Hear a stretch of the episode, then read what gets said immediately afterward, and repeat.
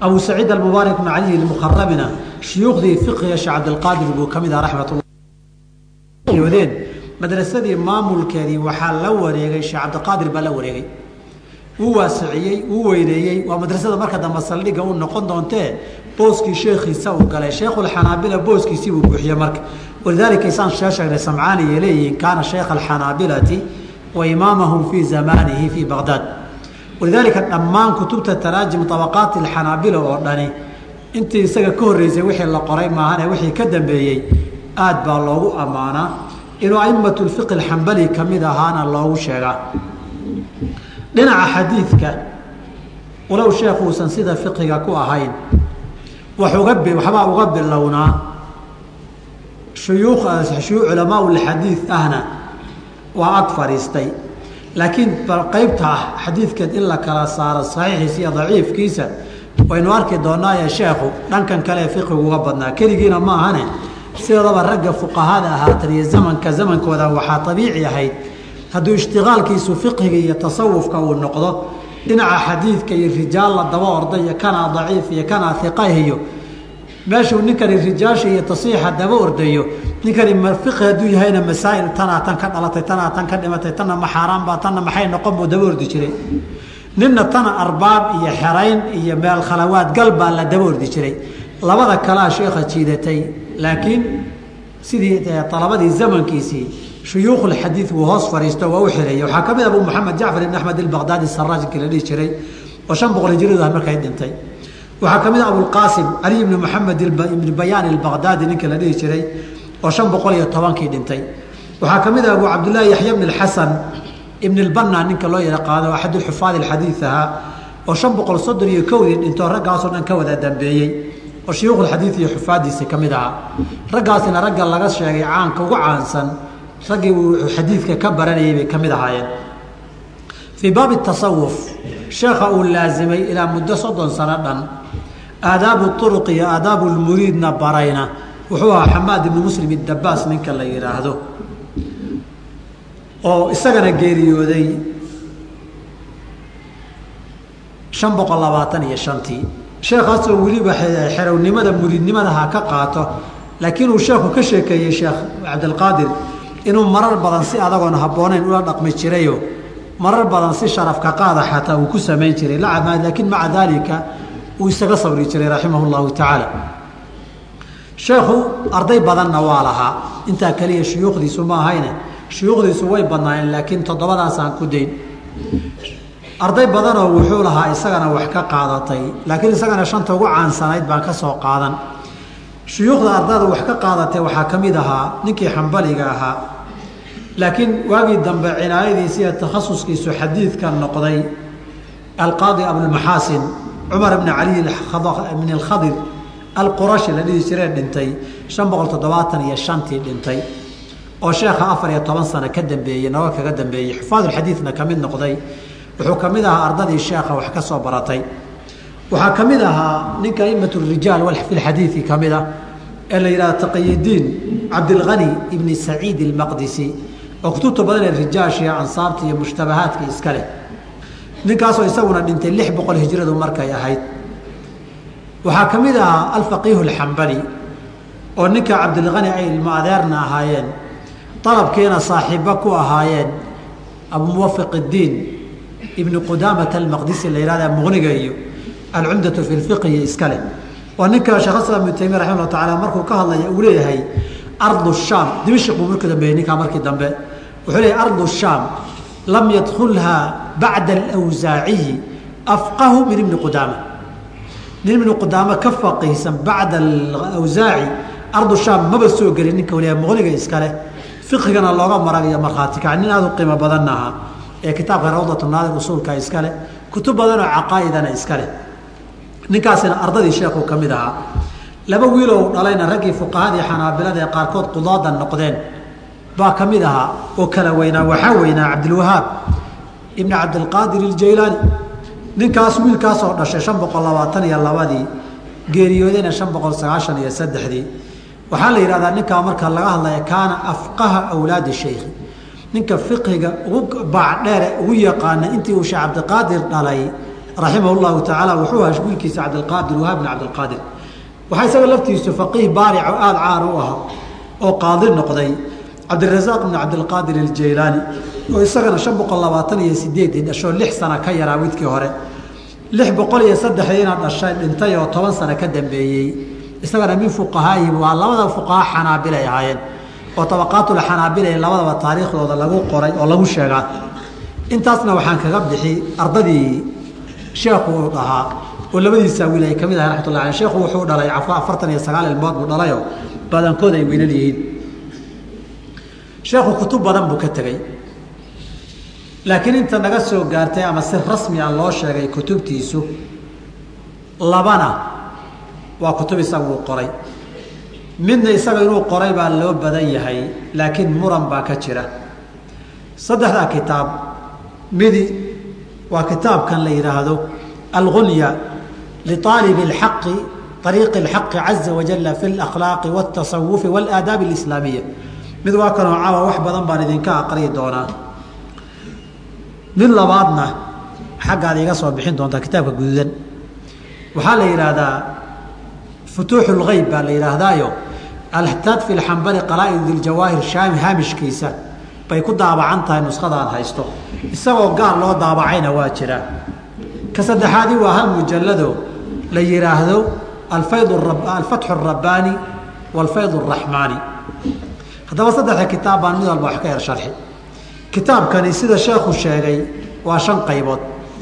Qaybta koowaad wuxuu kaga hadlay si kooban fiqiga iyo cibaadaadka oo salaada iyo zakadii iyo soomkii iyo xajkii iyo aadaabtii iyo adkaartii ah buu qaybta koowaad kaga hadlay.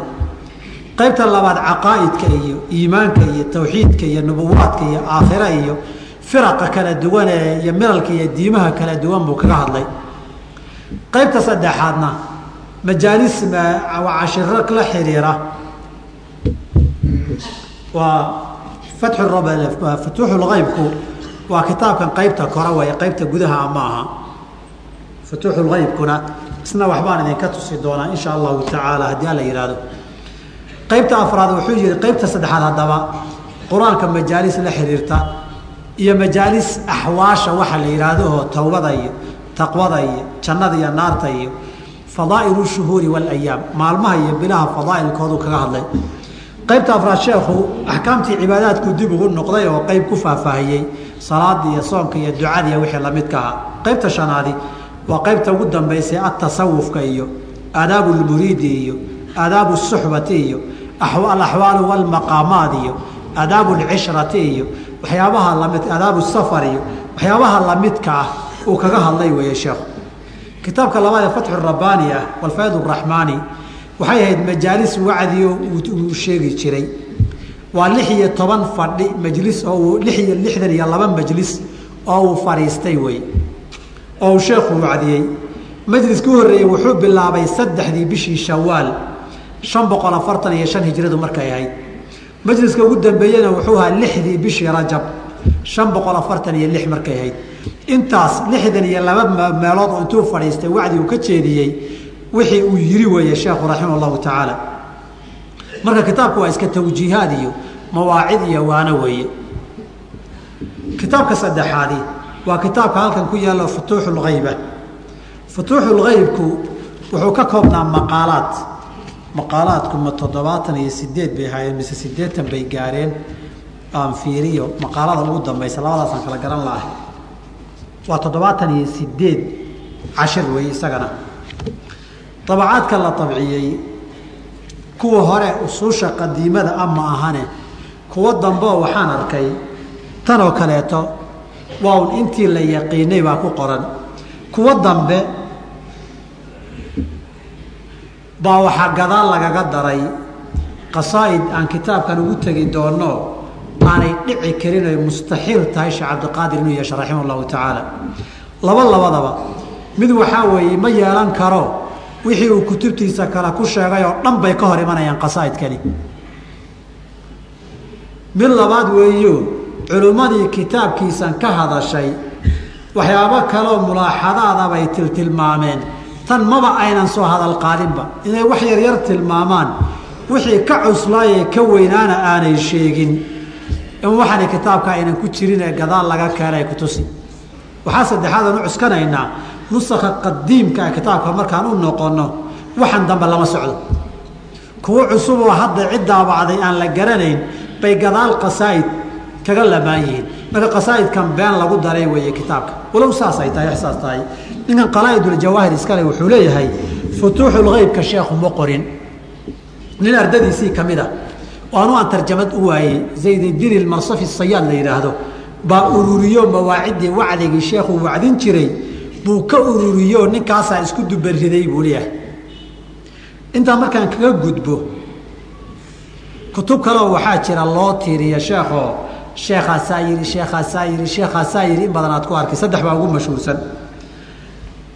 Kitaab waxaa la yidhahda alawraad alqaadiriya la yidhaahdaa waxaa ururiyey nin la yidhahdaa moxamed saalim ayuub salaado iyo axsaab bidca iyo qasaa'id shirkiga ka buuxa oonan filaynin sheekhu inay dhici karin inuu yidhi.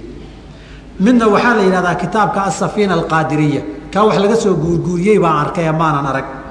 Waxaa isku ururiyey isagana maxamed alamiin alkaylaani nin la yidhaahdo laba kitaab buu isku daray marka. Kitaabkii ibni xajar tarjamadiisa markii kitaabkaa la sharxayo oo khibطaة naadim fii tarjamati sheekh cabdilqaadir ahaa. Iyo waxyaabo maxamed alamiin alkaylaani uu soo ururiyo qasaaid iyo waxyaabo kale uu ku lamaaneeyey oo sida marka la soo guurinayo aynan dhici karin sheekh cabdiqaadir inuu yihi buu isna ku ururiyey. Kitaabka saddexaad waa kan alfuyuudaat arabbaniya fi lmaaahiri wlwraadi alqaadiriyo kaan ka hadlaynaa kaasaa innaga soomaali ahaan si caama inoo soo gaaray walidaalika saasaan u dooranay kitaabkana waxaa ururiyey nin la yidhaahdo ismaaciil ibni sayid moxamed saciid alqaadiri baa isku soo dubariday ninkaasaa wuxuu leeyahay sheekhaasaa yidhi sheekhaasaa yidhi mushkiladda raggan sheekha waxu tiirinaya waxaa weeye. Warkan kutubtiisii kuma yaallo. Wax badanoo ka midana kutubtiisii buu ka hor imanayaa. Iyagana meel ay ka keeneen ma sheegaan. Qaala sheekh cabdilqaadir buu ku leeyahy wareedha qaala sheekh cabdilqaadir xaggee ku yidhi?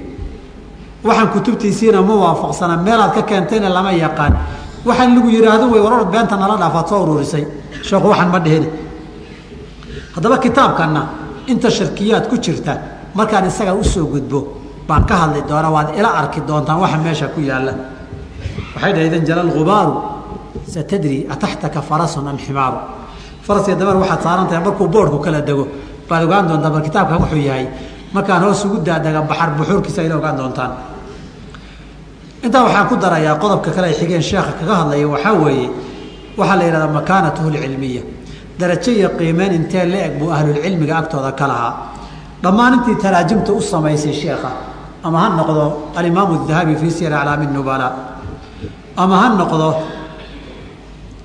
alimaam alxaafid ibn rajab alxambali fii dayri طabaqaati alxanaabila ama ragga kale ha noqdaane waxaa loo ugu wada ammaanayaa ninkan nin caalima inuu ahaa nin faqiiha inuu ahaa inuu ahaa nin cibaado iyo aaco badan oo zaahida inuu ahaa intaba aad baa loogu ammaanayaa.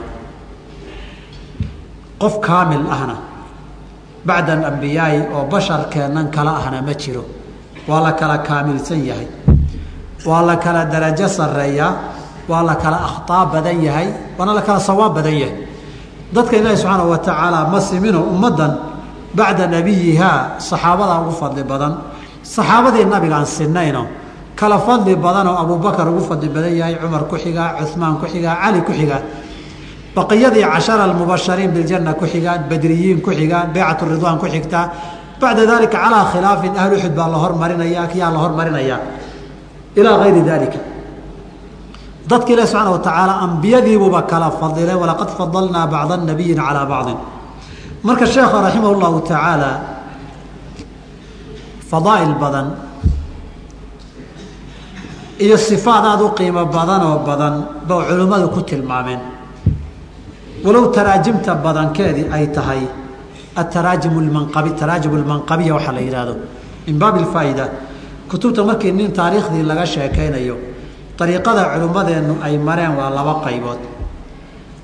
Taraajum miisaan ah oo ninka wixii uu ku ficnaa wixii kale la isbarbar dhigayo oo qismiga kutubuljarxi watacdiil gala.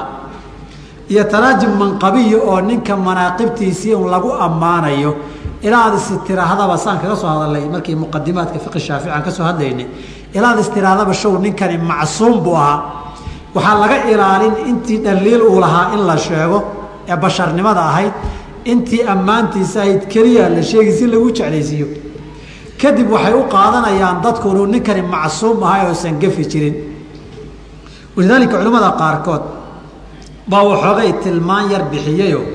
Markay aakhirka tarjamadiisii marayaan bay yidhahaan sheekhu waxyaabo kalena waa iska jirjireen. Wallaahu yakfiru lahu. Allaha ka dhalahina allahu insha allahu tacala ilah waa u dhaafayaa. Waayo bashar weeye bukhaari iyo muslim baa axaadiid lagu qabsaday. Fulaan iyo imaamu shaaficiya masaa'il lagaga daba tegey masaa'iluu cumar fatwooday bay saxaabo ku gacan sayreen di war waa khaldan yahay naga daaya yidhaahdeen ilaa aakhirihi waxay saas tahay makaanadiisii waxuma dhimin.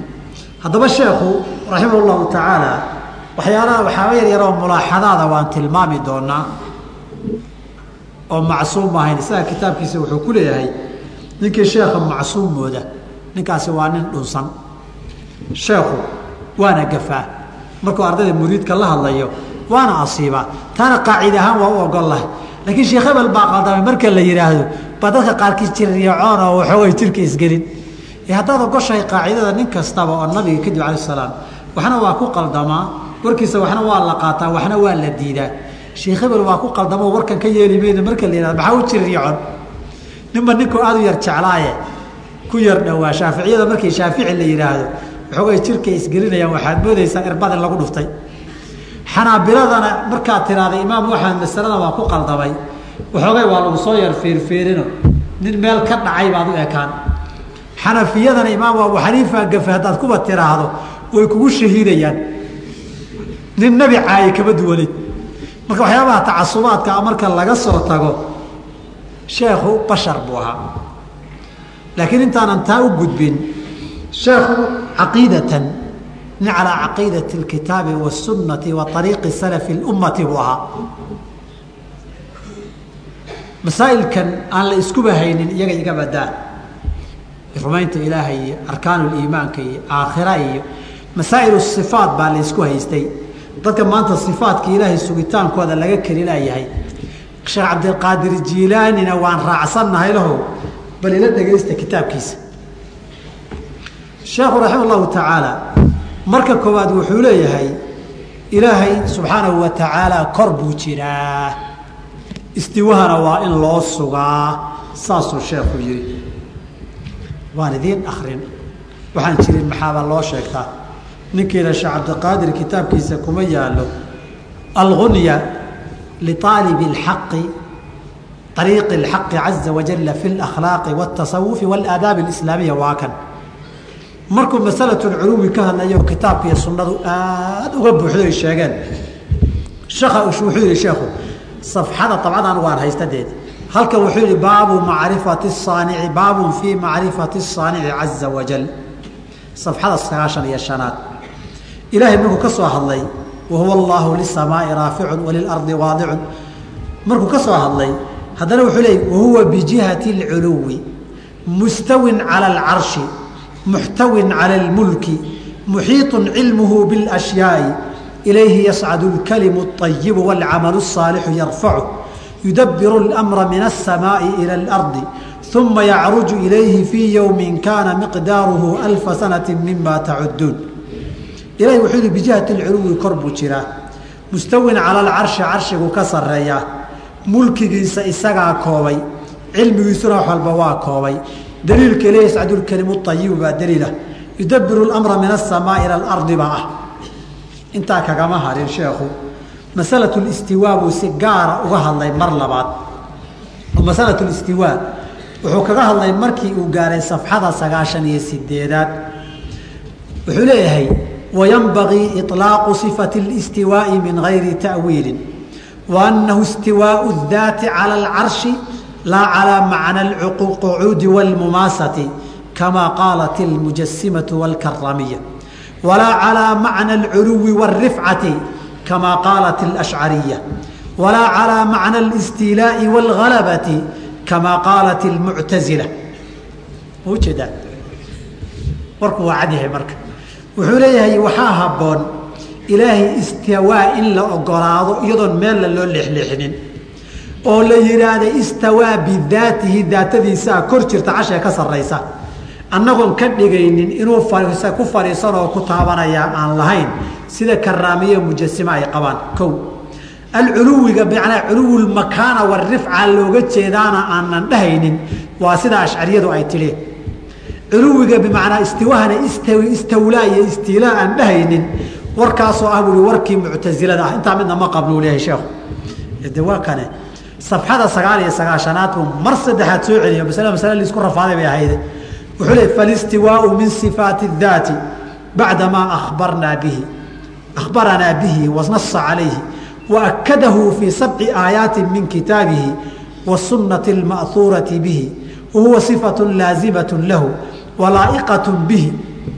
Wuxuu hi istiwuhu waa sifaatka daatada ilaahay ay leedahay sida naloo sheegee la caddeeyey. Ilaahayna toddoba aayadoodoo qur'aana uu ku adkeeyey nabiguna sunnada laga soo guuriyey ku sheeg sal slam waana sifa daa'im oo ilahay u sugan. Una habboon oo u cunanta halkaas sheekhu ashcari bu miyaad dhahaysaan marka? Mise sheekhu muctazili buu ahaa rabtaa inaad dhahdaan? Isagaaba ka beri noqday annagu hada maa naquulu sidaasaan qabnaa arday saa darteed ardaygiisii ibnu qudaama kitaab buu ka qoray ihbaat اlculuwi ilahay kor uu jira in la caddeeyo la sugo.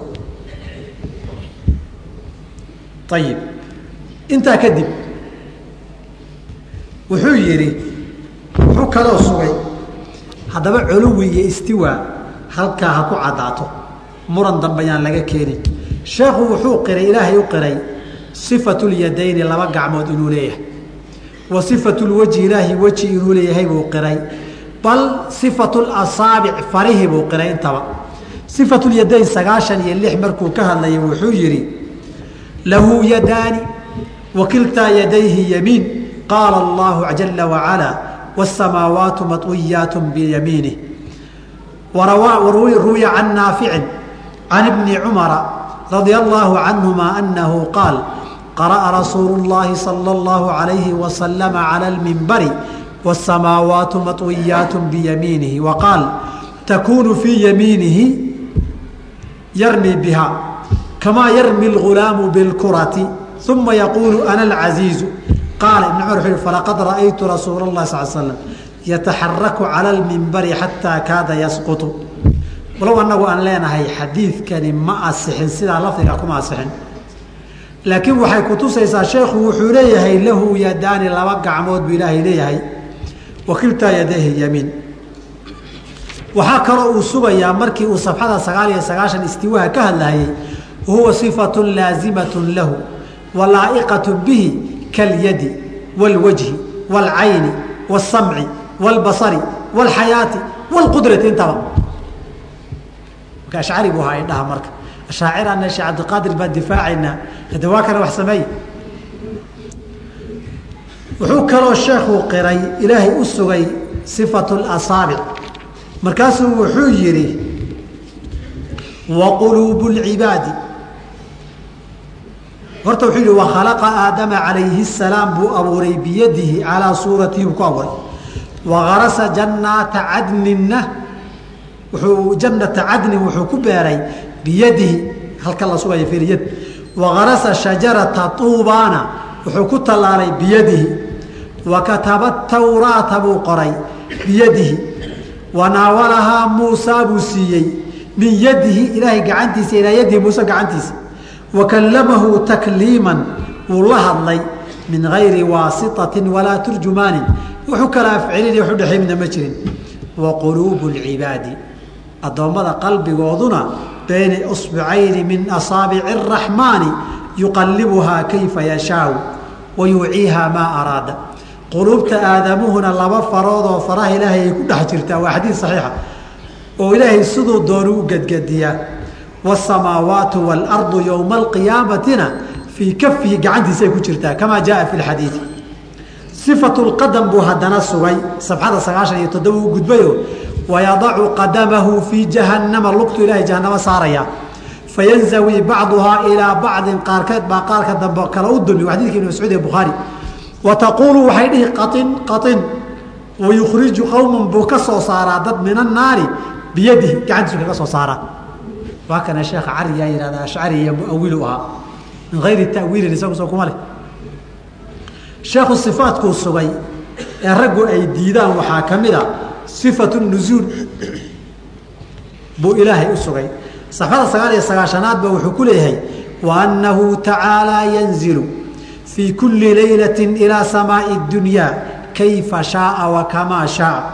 Fayakfiru liman adnaba waakطa'a waajrama wacasaa liman yakhtaaru min cibaadihi wayashaa tabaaraka watacaala alcaliyu alaclaa laa ilaaha ilaa huwa lahu alasmaa'u اlxusna ilaahay wuu soo degayaa buu leeyahay habeen kasta samaau dunya qaabka uu doono iyo sida uu doono u soo degayaa. Dadka dambaabay buu u dhaafaa oo qofkuu doono ah. Ilaahay baa khayr lahaadoo batay asmaa wanaagsanna waa leeyahay. Nusuulkan ma nusuulu raxma dhegayso? Laa bimacnaa nusuuli raxmatihi wa hawaabih macnaha loolama jeeda buu yihi naxariis iyo hawaab baa soo degaya ma aha calaa ma dacathu lmuctasilatu waalashcariya oo warka ay shimeelaha wadwadaan ashcariya muctasilaa ma jira buui bimacnaa nuzuuli raxmati waraxmati wahawaabi ma aha warkaa war ashcariya iyo muctasilo wey si fiican u dhegaysta lima rawaa cubaadata bnu saamiti radia allahu canhu qaala qaala rasuulu llahi sala اlah alay sl nabiga wuxuu yihi yanzil اllahu tabaaraka wa tacaala kula leylati ilaa samaaءi اdunya xiina yabqى uluثu leyli اlaakhir fayaquulu hal min saa'ilin fayucطaa su'lah hal min mustakfirin fayugfara lah hal min caanin fayufaka caaniih xataa yusbixa subx uma yacluu rabbunaa tabaaraka wa tacaala calaa kursiyih xadiidkan jumalkiisa dambe ma sugna laakiin maxalushaahidku waxaa weeye sheekhu sida uu sifaadkan u sugayo ee weliba uu isaga ilaalinaya ashcariya muctasileyn la moodo sheekhi waan jecelnahay ayaan la taabanin oo waan daba ordaynaayo waa ku dhimanaynaa. Markay caqiidada soo gaartana waa ka leexanaynaa waa shaaficiyaan nahay. Markay caqiida timaadana shaafici ma aaminsanin dariiq ahaan qaadiriyaa nahay jaylaaniya markay caqiida timaadana jaylaani kuma kalsoonin. War warkan kale daayanimayo. Masaladii baa la gaaray. Qur'aankiibuu ka sii hadlayaayo waxay ashcariyadu dhaheene cibaara can kalaamillaahi iyo muctasiladii makhluuqa yiri oo dhan waxaa inay wada baail tahay halkan kaga hadlayaa cagtuu marinayaa marka sheekhu saa darteed waxaan idin idhi calaa caqiidati salafi wa aimati sunna buu ahaa. Inta kale waxaan dhammaystirayaa aadaanka wixii ka dambeeya insha allahu taala waxaan ku soo gabagabayn arrintaan idiin tilmaamay sheekhu bashar buu ahaa.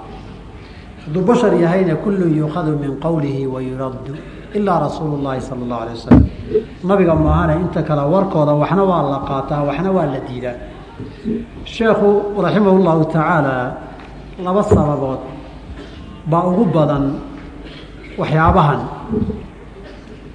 mulaaxadaadka an sheegi doono midda koowaadi sheekhu axaadiida sixadooda iyo dacfigooda lam yakun khabiiran biha.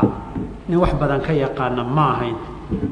Taasi waxay sababtay inuu waxyaabo badan oo kitaabtiisa uu ku qoray ama uu hal la sameeye yidhaahdo ay ku salaysan tahay ama isaguba uu u daliishado axaadiidan sal iyo raatoona lahayn oo culimmadu ay ka hadleen raxmat ullaahi calayhim jamiican. Arrinta labaadi sheekhu wuxuu aada u siiyey kalsoonidiisa abu xamid alghazaali iyo kitaabkiisa alixyaa walidaalika waxyaabo badan oon tilmaami doonno akarkoodu waxaad moodaa nuskho laga soo koobiyeeyey min ixyaai culuumuddiin haddaba waxyaabo badan oon jirin ixyaa culuumuddiin axaadiidiisana markuu xaafid alciraaqi takhriijinayey fii takhriiji axaadiid ilixyaa in badan buu wuxuu leeyahay laa asla lahu laa asla lahu. Sheekhu meeluu ka keenay garan mayna wax jira maaha xataa kutubulmawduucaad isagoon kuma qora meel uu ka keenay lama garanayo un axaadiida un aan xariga lahayn meel loo raaca lahayn baa badan. Sheekhu rijaashana ma kala aqoonin. Sixatu axaadiid wa dacfiha kelina kuma ahane abiicada fuqahada iyo abiicada cubaadda baa sidaa wadahaa walidaalika imaamu muslim raximah llahu tacaala fii muqadimati صaxiixi masaladaa markuu kaga hadlayey qowl imaamu maalik leeyahay buu keenay. Imaamu maalik wuxuu leeyahay madiina. Rag badan oo tiro uu sheegay soddon meelaha inay ahayd baan u malaynayaa soddon bay ahayd mise konton bay ahayd. Waxaa joogu ui madiina intaasoo nin oon leeyahay ilaahay hadday baryaan waxay baryaan hadduu siin oon hal xadiida la weydiin karin. Yuqaalu laysuu min ahlihi. Dadka xadiid iyo rijaashiisa iyo daba socodkooda iyo kala shaandhaynta waxba ugama bilowna. Maba ka dhaadhacsanaba dad baa been sheegi oo nabiga ku been abuuran. Beenlowyadu waxay samayn jireen marka qoladaasoo kale intay u yimaadaan bay axaadiid ku dul akhriyayaan isna suu runsheegu ahaabuu runsheeg buu moodi warkii sidiibuu u qaadan kuwana way yaqaanaan oo beenta iyaga laga dhegaysan maayo ummadda inay dhumiyaan bay rabaane. Xaggay ka soo wareegiyo qoladan oo iska waxba kala ogeyn bay ku dul akrinayaan walidaalika waxaa laga soo warinayaa sufyaan mise thawri mise shucba. Inuu leeyahay mise cabdillah mubaarak midkood buu ahaa muqadimada mis ku taallaa. Dadka saalixiinta ee cubaadda axaadiidta marka la yimaado wax xadiid beena ka badiya maanan arag. Sababtoo ah isagu waa loo dhiibaa waa lagu raraa waa la dhaamiyaa. Run buu sheegaa kuwana runtooda inay tahay buu moodi wixii buu aqriyey arrintu inay saas tahay aqsaamu lwadaaciin markay ka hadlayeen siyuuطi fii alfiyatihi iyo ciraaqi fii alfiyatihiba asnaafta waxay ku dareen qolyahan cubaadee zuhaadda ay ku dareen. Bal waxay leeyihiin kuwa ugu dhibka badan dhibka ugu badan ummadda axaadiid beena ugu geystay qolyahan cubaaddaa wey sababtoo ah cibaada badnidoodaa la aaminay. Warkay sheegayaan lagama dareen layskama ilaalinayo dadkii u dhex yaacay. Kuwa kale laakiin dhegtaa la wada taagaya waa la yska ilaalinayaayo dhufays baa loogu wada jiraa markay dhaheen walwaadicuuna fi lxadiidi adrubu adaruhum qowm lizuhdi nusibu. Saasuu leey siyuui walwaadicuuna lilxadiidi adrubu xadiidka kuwa bedejiya adrubun qaybo badan wey adaruhum kuwan ugu dhib badan ummadda qowmun lizuhdin nusibu. Waa kuwa zuhdi iyo tacabud loo nisbeeyey.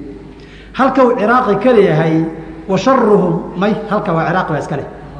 Tohoraa ciraaqiya siyuudi isagu wuxuu leeyahy wa suufiyatu wadacu muxtasibiina alajra fii ma yaddacu faqbilat minhum rukuna lahum xataa abaanaha ulahumuhum wa sharuhum kuwa axaadiidta beenta sameeya waxaa ugu shar badan suufiyatun qolyo suufiya. Wadacuu axaadiid beena sameeye muxtasibiina alajra fii ma yaddacu sa iyaga la tahayna ajri inay ka helayaan sheeganaya.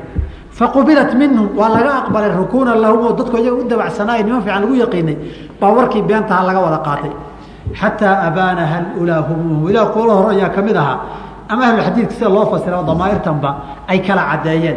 Faqayada allahu lahaa nuqaadaha fabayanuu binaqdihim fasaadaha rag buu ilaahay u darbay waxaanuusan waxba ka jirin markaasay kala shaandheeyeen oo caddeeyeen haddaba sheekhu wuxuu ka mid ahaa dadka aynan xadiidka sanaacadiisa ahayn sixadiisa iyo dacfigiisana aan kala aqoonin keligiina mehe fuqahada raggii aan kala aqoonna axadiid dacaaf deliishadeen mufasiriintii kalbi iyo haclabi iyo aan kala aqooninna axaadiidtaan jirin bay tafaasiirtii ka buuxiyeen zuhaaddii aan kala aqoonin oo sheekhu ka mid yahayna axaadiidaan jirin bay kitaabta ka buuxiyeen axaadiidtiina acmaal iyo cibaadaad bay ku saleeyeen saa darteed sheekhu mulaaxadaadka lagu haystaay waa nooca bidaculcibaadaadka la yidhaahda wey dhowr tusaalaansiya marka wixii kale kuta kitaabkaad ugu noqonaysaane sheekhu kitaabkiisa laba boqol siddeetan iyo kow baabun fii dikri fadaa'ili الshuhuuri wاlayaami majlisun fii fadaa'ili shahri rajab fadaaisha shahru rajab keliya baa sheekhu wuxuu kaga hadlay. Bilaaba laba boqol kow iyo siddeetan ilaa saddex boqol laga gaaro. Intaa wa laba saddex xadiid baa ka asaxday waana axaadiiu waxaa ka mid a xadiiu daliishanayo xadiid dheer oo abu saciid alkhudri laga warinayo radia allahu canhu wa abu saciid baa wariyey uu leeyahay sheekhu oo uu safxada laba boqol sideetan iyo shan ku sheegayo kana bilaabanaya nabigu wuxuu yihi ina ciddata shuhuri cinda allahi itnaa cashara shan aayad yahay xadiidka xafid ibnu jawsi juska mawduucaat lkubraa juska laba laba boqol iyo shan wuxuu leeyahay haadaa xadiidu mawduucu calaa rasuli sal slam xadiid nabi lagu been abuurtay way kani. Waxaa ka mida kadaashi wuxuu keenayaa haddana ahar dheer oo abudarda laba boqol sideetan iyo lix laga warinayo isagana ibn caraaq fi tanziihi shariica can اlakhbaari الshaniicati اlmawduuca wuxuu ku leeyahy haadaa baailu laa asla lahu meel laba kuma salaysna kan wax jira maaha nin riwaadiisa kamidana wuxuu le wa daawuudu kadaabu daawuudka xadiidka warinaya below la yaqaano wey sheekhu laakiin hadduu og yahay ma ma qoreene waanu saa u kala garanayn kadib wuxuu sheegayaa haddana xadiid anas ibni maalik laga warinaya radi allahu canhu khamiista u horeysa ee bisha rajab inaad soonto fadliga ay leedahay adciyo badan un sal iyo raatoona lahayn waa safxada laba boqol sagaashan iyo saddexaad buu ku keenayaa. Xadiidkaasina markay culimmadu ibnuljawsi ka hadlaya juska labaad boqol labaatan iyo afar mawduucaat lkubraa wuxuu leeyahay haadaa xadiidu mawduucu calaa rasul slam markaasuu hadal dheer daba dhigo cadaynaya waxa inuu been yahay waxa ka muuqata xadiidka laftiisa ka muuqataa uu beenayo sa nabigu sal allahu alah ali wasalam marka haddaba taasi waa tusaale baabka rajab wuxuu ka sheegay boqolkiiba sideetan sal iyo raad ma leh. Axaadiidta uu ku saleeyey baa beena.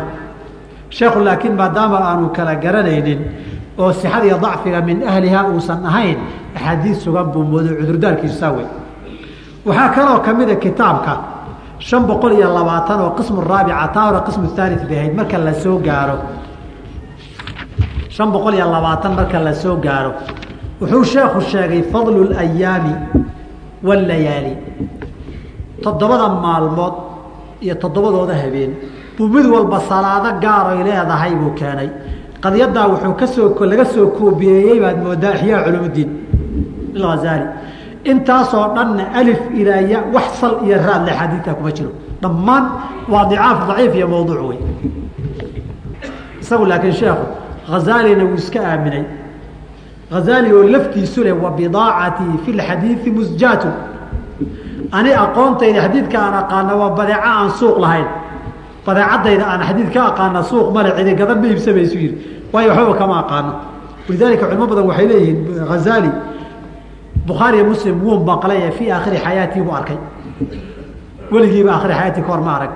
Maca daalika baabkan la yidhaahdo fii dikri fadaa'ili الsalawaati fii ayaami اsbuuci wa layaalihi baabkaasoo dhan axaadiidta sheekhu uu ku keenay ee maalmaha iyo habeenadooda kadka hore maalmuhu ku bilaabay wuxuu ka bilaabay fii dikri salaati ywmi اaxad fii dikri salaati ywmi ااثnain fii dikri salaati ywmi الثulaثaa fii dikri salaati ywmi اarbicaa fii dikri salaati ywmi اkhamiis fii dikri salaati ywmi اjumuca fii dikri salaati ywmi الsabti fii dikri fadli salaati leylaة اaxad fii dikri fadli salaati leylaة ااثnain leylaة الثulaثaa leylaة اarbicaa leylaة اkhamiis leylaة اjumuca leylaة الsabti intaa waba kama jiro waxyaabaha laakiin sheekhu ardadiisi iyo muriidiintiisa uu ku dhagaabiyey ku dhiirigeliyey inay sameeyaan isagoo moodaya xadiid inay asaxday waxaa kaloo ka mid a waxyaabaha shan boqol iyo soddon isla kitaabka markii aad gaarto sheekhu halkaa wuxuu ku sheegay salaad la yihahda salaatu lkifaaya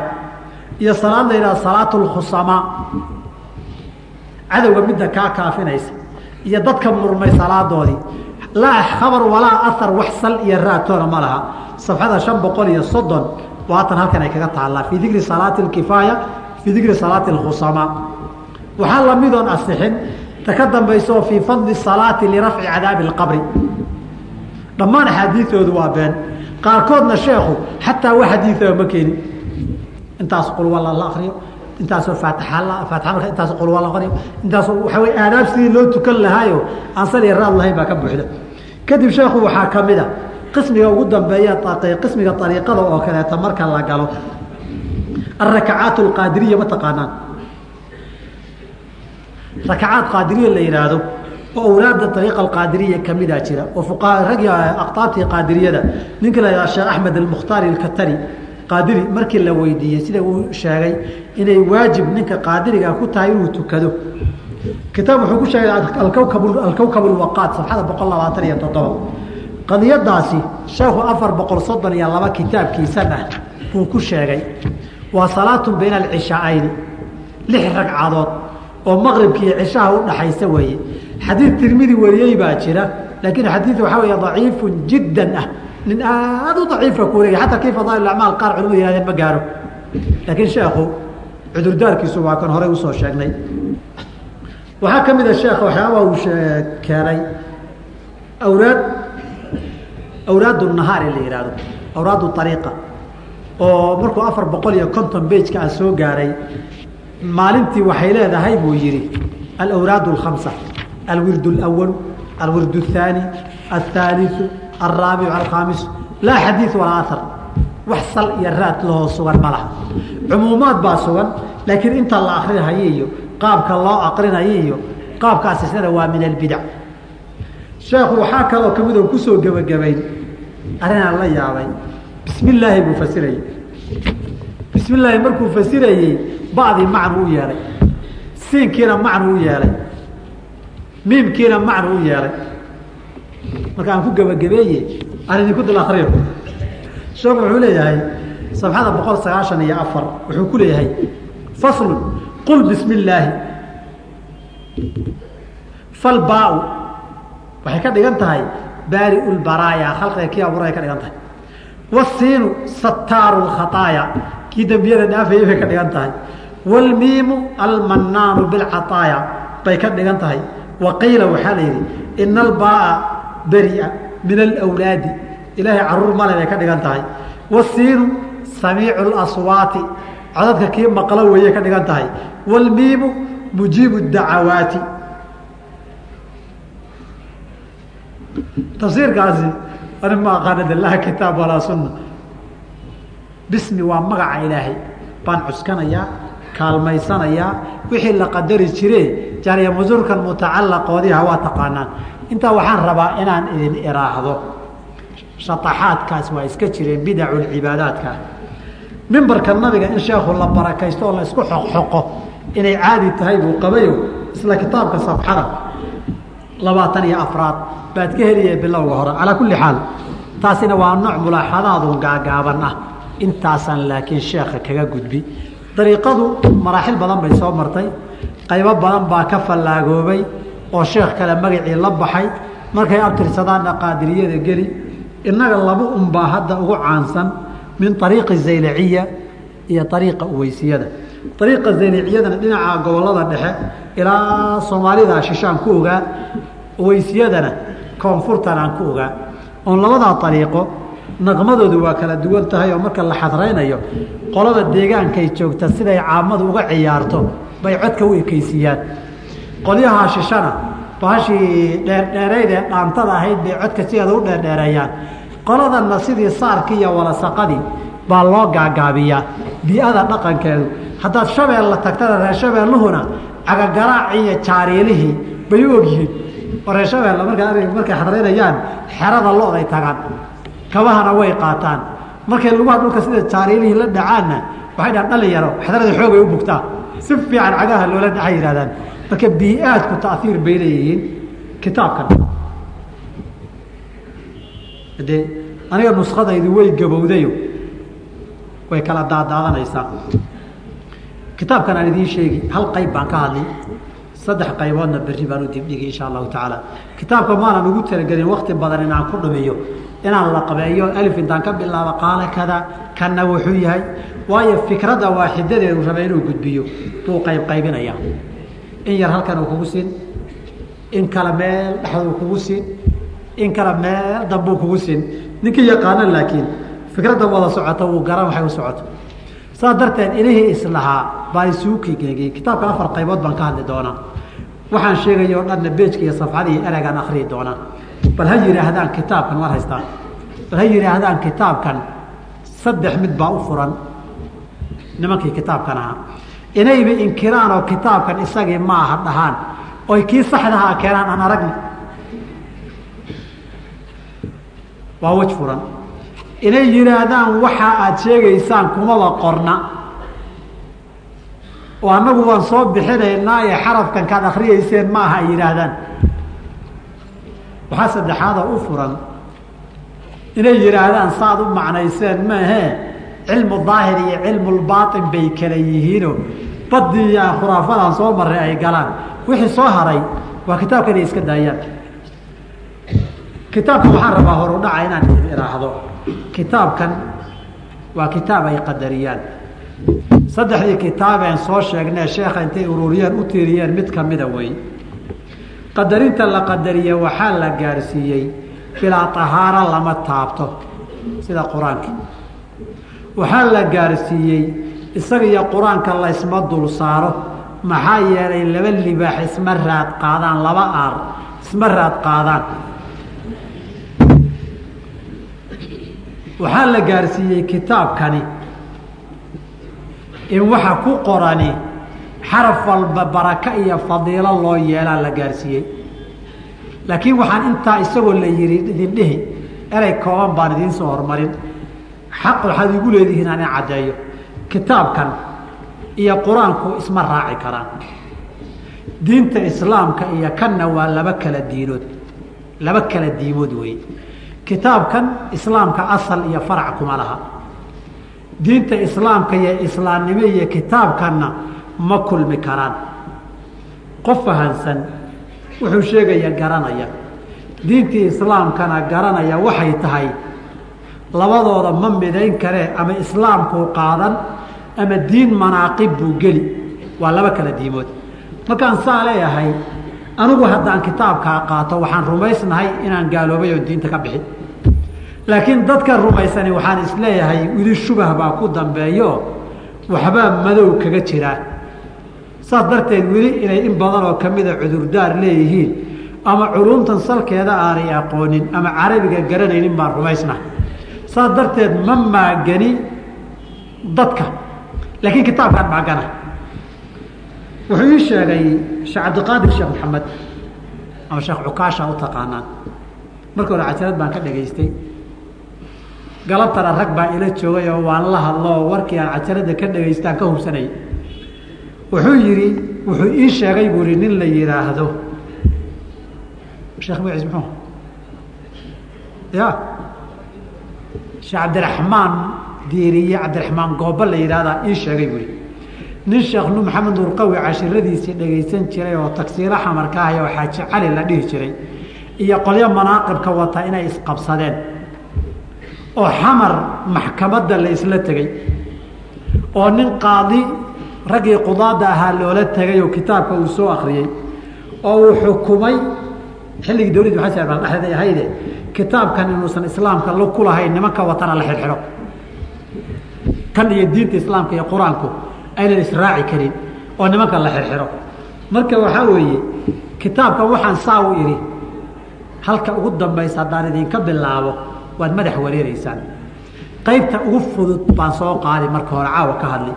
Kitaabkan waxaa ku yaalla waxyaabo kabaa'ir ah oo dunuub waaweyn ah laakiin aan dhammaanteed gaalnimo wada gaarsiisanayn toddoba tusaalaan idin siin toddobo. Tusaalaan idin siin waa tusaalayow qodobka koobaad kitaabkan wuxuu leeyahay intaanan tusaalaha gelin waxaan rumaysnahay. Kitaabkan sheekh cabdiqaadir ma qorin mana dhici karta inuu qoro. Ninka jamciyeyna waa nimaan ilaahayna ka baqaynin sheekhana ku been abuurtay. Ilahay aan ka baqaynin sheekha ku been abuurtay weeye. Waxaan rumaysnahay sheekh cabdiqaadir oon ka soo hadlay inuu kitaabkan beri ka yahay. Sida diinta islaamka oo dhaniba beri ay uga tahay kitaabkaas. Isla markaa waxaan rumay waxaan idin dhihi mudbana waa idin dhihi dhegaysta muhimaddu erayga weeye. Haddii ereygaa nin kastoon qadariyoon xurmayno uu dhihi lahaa xukunkuu ninkaa qaatay buu qaadan lahaa. Waayo ani waa la iqadarinoo diinta waan ku tuman halkaygiina darajaan lahaan ma dhici karto. Waxa ay ragga aimada darajo ku yeesheenba waa alla ka iyo amarkiisa qaadasho iyo diin xurmayn bay ku yeesheen. Marka koobaad kitaabku wuxuu leeyahay anigu aadam oon dhalanin oon la abuurin iyo aniga oon dhalanin baan jiray oon cilmi lahaa oon oon xereeyey dhalashadayda ka horna waan xereeyey aadam abuurkiisii ka horna nin caalimaan ahaa anugu warkaasuu yidhi aadam ilaahay markuu abuuray kadib baa la yidhi soomaha wacallama aadam alasmaa buu baray anu markaa ka hor baan caalim ahaa buu yidhi. Ilaahay sawma dhihin wallaahu akhrajakum min butuuni ummahaatikum laa taclamuuna shayan. Calooshooyi ilah ka soo saar waxba aqoonin. Kan wuxuu leeyahay anu anoon dhalanin baan caalim ahaa oo aniyo muuse bni cimraan baa xer wada ahaan jiray. Nabi muuse calayh salaam. Warkaa xagee ku qoran yahay beejka lixdanaad la soo baxa. Anaa idin taabsiin. Lixdanaad sadarka koobaad afiiriya waqustu bixaara alcilmi min qabli nash'ati akhii warafiiqi kaana muuse bni cimraani soo maartaan waqustu waxaan tiimbaday buu yidhi bixaara alcilmi badaha cilmiga ah min qabli nashcati waa beytka ugu horeeyey ko safxada lixdanaad inta aanan dhalanin baal anugu badda cilmiga dabaashay akhii wa rafiiqii waxaa walaal iyo saaxiib ila ahaa kaana muuse bni cimraanin nabi muusaan arday wada ahaan jirnay.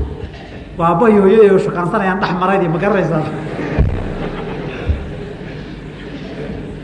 Ilaahay wuxuu yidhi wallaahu akhrajakum min butuuni ummahaatikum laa taclamuuna shay-an. Ilaahay wuxuu hooyadii idinka soo saaray idinkoon waxba kala aqoonin. Isna wuxuu leeyahay inta aanan dhalan baaban anigu caalim aha oon badaha cilmiga ku jiray lixdan iyo toddoba tag. Tan way sahlan tahay tan muuse bn cimraan bay ku egtay mogtahay korusii dhaaf wey lixdan iyo toddoba tag. Kow laba saddex afar beytka shanaad.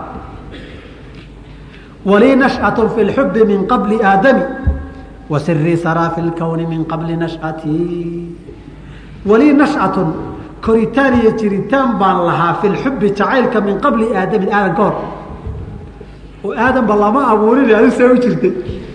Berinku waxaan fiiriya. Macnaheedu hadalku soo noqon maayo ani aadan ima dhalin. Aadan see kuu dhalay intaan la abuurin aad u jirtay. Aabbayi hooyada baa kala dhex maraydeeda warkii meesheedu ka muuqdaa wa siri sirtaydu saraa fi lkowni unka wuu saameeyey min qabli nashati intaanan dhan intaan layba abuurin baan adduunka saamayn ku lahaa. Waxaan idinku dhegaysta waan soo gaagaabine qodobka labaad wuxuu leeyahay unka iyo kownka kala maamulkiisa iyo kala dabaritaankiisa. Sir iyo saamayn qarsoon baan ku leeyahay oo beedkeedna maqaybtiisa dambe ahayd. Waxaad wax yar dib ugu noqotaa konton iyo kow konton iyo laba. Beska konton iyo koobaad iyo ka konton iyo labaad la soo baxa. Saddexda beyday u dambaysa kow iyo konton akri falow alqaytu sirii fowqa naarin lakamidat wanطafat fii siri xaali walow alqaytu sirii fowqa maytin laqaama biqudrati اlmawlaa mashaali walow alqaytu sirii fii jibaalin ladukad wakhtafat bayna arimaali walow alqaytu sirii fii bixaarin lasaara alkawr kullu qawran fi zawaali wuxuu leeyahay walow falow alqaytu sirii asraartayda haddaan ku tuuri fowqa naarin dab korkii lakhamidad way baktii lahayd waاntafad way dami lahayd fii siri xaali xaaladayda sirta ku aasan iyo xooggeeda way baktii lahayd walow alqaytu sirii fowqa meytin haddaan meyd saa ugu dul tuurana laqaama uu istaagi lahaa biqudrati mawlaa mashaali ilahay qudradiisa weli aggay u soo socon lahaa wi aan u iman lahaa amwaadaan noolaynaadi ma aragta meesha walow alqaytu sirii haddaan ku dul tuura fii jibaali ladukad way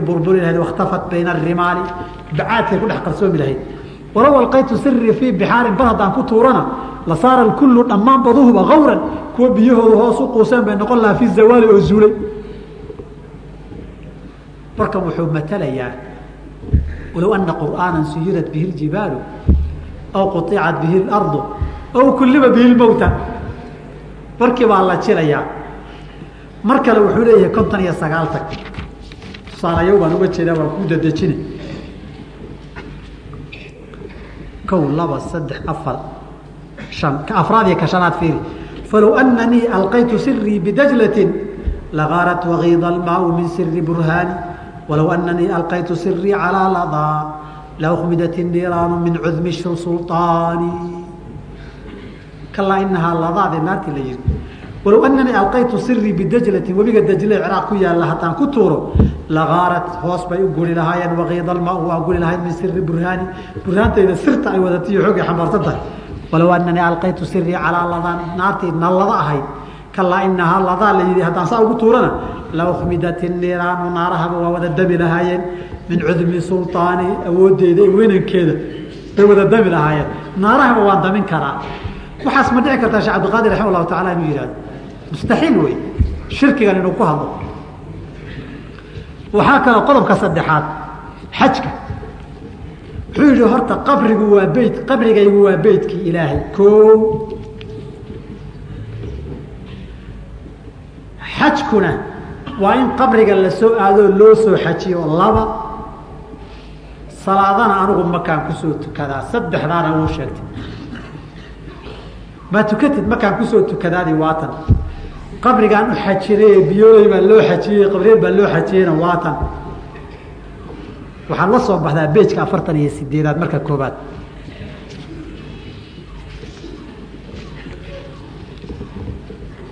qasiidadan bisinka ka dambaysa kow laba saddex afar. Dariixii baytullaahi man jaaa zaarahu yuhawilu lahu yaxdaa bicizin warifcati dariixii qabrigaygu baytullaahi waa gurigii ilaahay. Si guriga ilahay ku noqda qabrigaagu. Man jaaa ninkii yimaado zaarahu soo booqday yuhawilu lahu isagoo u degdegaya yaxdaa wuxuu ku guulaystaa bicizin sharaf iyo warifcatin kor noqosho.